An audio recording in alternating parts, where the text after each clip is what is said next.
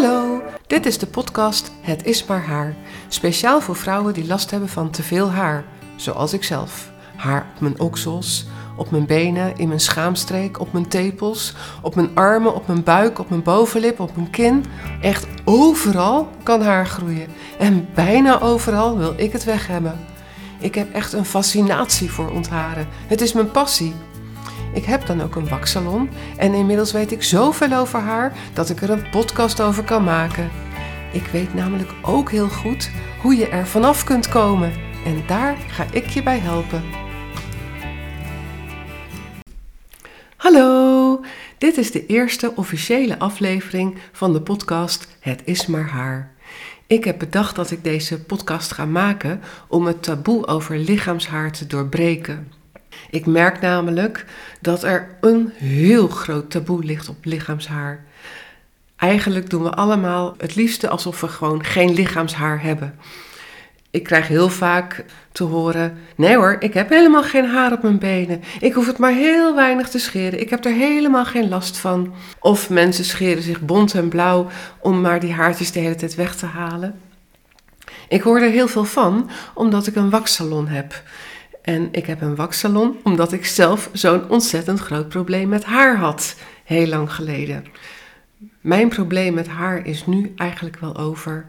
Ik heb inmiddels vrede gesloten met die haartjes. En ik heb iets geleerd. Ik heb geleerd dat wanneer je goed voor jezelf zorgt, dat dat een sleutel is voor een gelukkiger leven.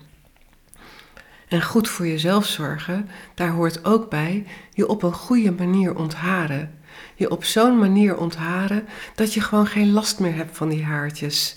Dat je gewoon aan kunt trekken wat je wilt. Dat je helemaal niet hoeft na te denken over die haartjes. Niet omdat ze er nooit meer zijn, maar omdat je er gewoon geen last meer van hebt. Geen stoppels meer, geen vervelende haartjes meer.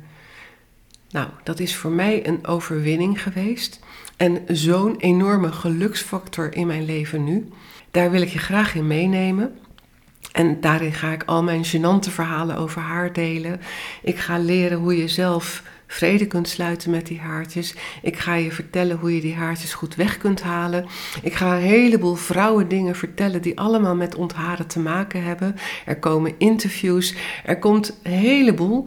Maar allereerst ga ik je uitleggen dat scheren geen oplossing is. Daar gaat de volgende aflevering over. Voor nu ga ik vertellen over de geschiedenis van mijn eigen salon, hoe dat zo gekomen is. Mijn laatste werkgever was Apple, of een van de resellers van Apple. Ik werkte daar als, uh, in de sales. Het was mijn taak om de scholen vol te stouwen met van die witte MacBookjes in der tijd. Het is echt al lang geleden hoor. Dat was in de tijd dat de iPad net zo'n beetje uitkwam. Dus nou, dat uh, is dat 12 jaar geleden, 13 jaar geleden, zoiets. Heel lang geleden in ieder geval. Toen werkte ik bij uh, Apple en ik was daar niet gelukkig. Toen ik begon met werken daar, dacht ik echt: wauw, nu heb ik een droombaan. Maar toen ik er werkte, vond ik het helemaal niet meer leuk. Apple is namelijk een heel Amerikaans bedrijf en de cultuur van dat bedrijf past niet zo heel erg goed bij wie ik ben. En dat merkte ik in de loop van het jaar dat ik daar werkte.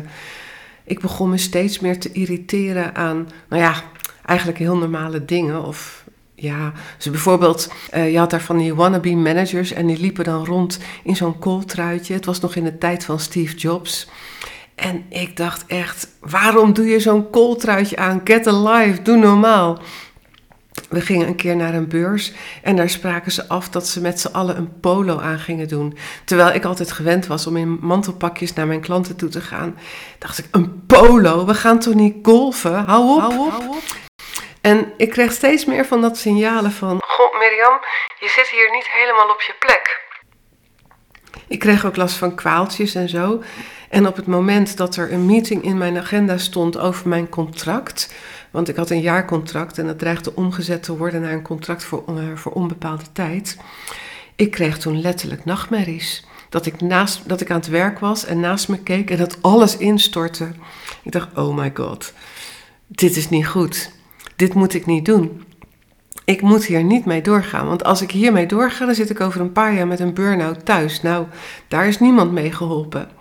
Maar ja, wat moet ik dan? En het leek me altijd al wel leuk om voor mezelf te beginnen.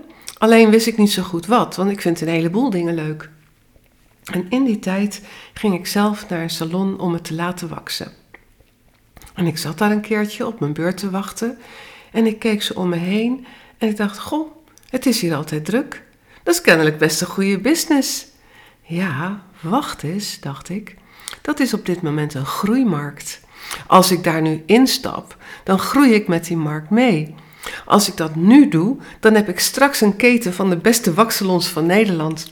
Nou, van dat idee begon mijn energie helemaal te stromen en ik dacht echt van ja, dat wil, ik, wil ik. Maar tegelijkertijd was het ook een heel wild idee, want ik kende die markt niet, ik kende die branche niet, ik kon niet eens waksen. Dus ja, waar begin je aan? Het gaat ook niet alleen om mij, maar ik heb ook vier kinderen om voor te zorgen. En ik heb geen partner waar ik financieel op kan terugvallen, dus dat is toch best een risico. Maar ja, aan de andere kant, bij Apple had ik het echt niet naar mijn zin. Ik moest daar weg. Wat was het alternatief?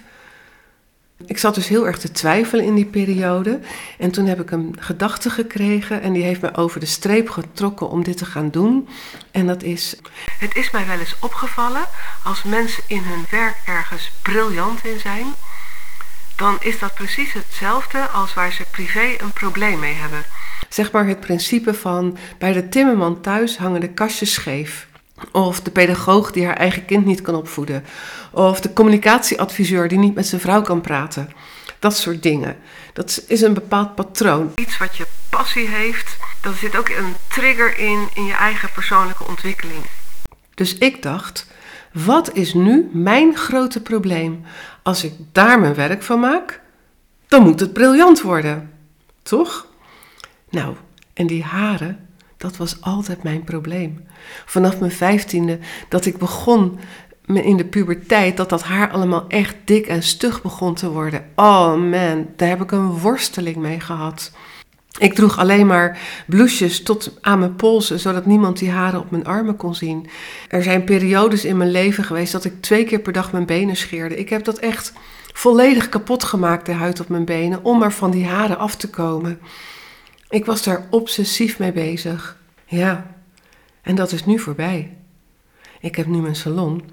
Ik kan daar heel goed zelf mee omgaan. Ik weet precies wat ik moet doen aan die haargroei en ik ben er vanaf. Ik ben van het probleem af wat die haren me hadden gegeven. En dat is zo'n inspiratie ook voor mijn klanten en hopelijk ook voor jou, dat ik jou kan helpen om van die haren goed af te komen. Maar vooral ook dat ik dus dat taboe wil doorbreken wat op lichaamshaar zit. Want we hebben allemaal haar. Je hebt een gezond lichaam en een gezond lichaam maakt haar. Bij de een wat meer dan bij de ander, maar we hebben het allemaal. En dat is ook helemaal niet erg. Als je er maar op een goede manier mee omgaat, dan kunnen we dat probleem oplossen. Nou, daar gaat deze podcast over. Over het probleem wat je kunt hebben met lichaamshaar, hoe je daarmee om kunt gaan, wat voor gênante situaties het op kan leveren. En verder gaat het over alle vrouwendingen die daarmee te maken hebben. Welkom bij deze podcast. Abonneer je en blijf op de hoogte, want je gaat hier veel van leren en veel om lachen. Doeg! Dit was de laatste aflevering van de podcast Het is maar haar. Vond je het een leuke aflevering? Laat dan een review achter. Ik word heel blij van 5 sterren, maar als je erbij schrijft wat je zo leuk vindt, maak je me helemaal gelukkig. Bovendien worden we dan nog gemakkelijker gevonden door andere vrouwen die last hebben van te veel haar. En dat zijn er heel veel. Voor nieuwe afleveringen wil ik graag jouw vraag beantwoorden over ontharen. Je kunt me een mailtje sturen, miriam.bisilk.nl. Dan komt jouw vraag in een volgende podcast aan de orde. Deze podcast wordt gemaakt door mij, Miriam Meester. Ik heb ook een Instagram-account, Bisilk, en een website, www.bisilk.nl. Volg me Kijk op de website, want als jij last hebt van te veel haar, dan kan ik je daar goed mee helpen.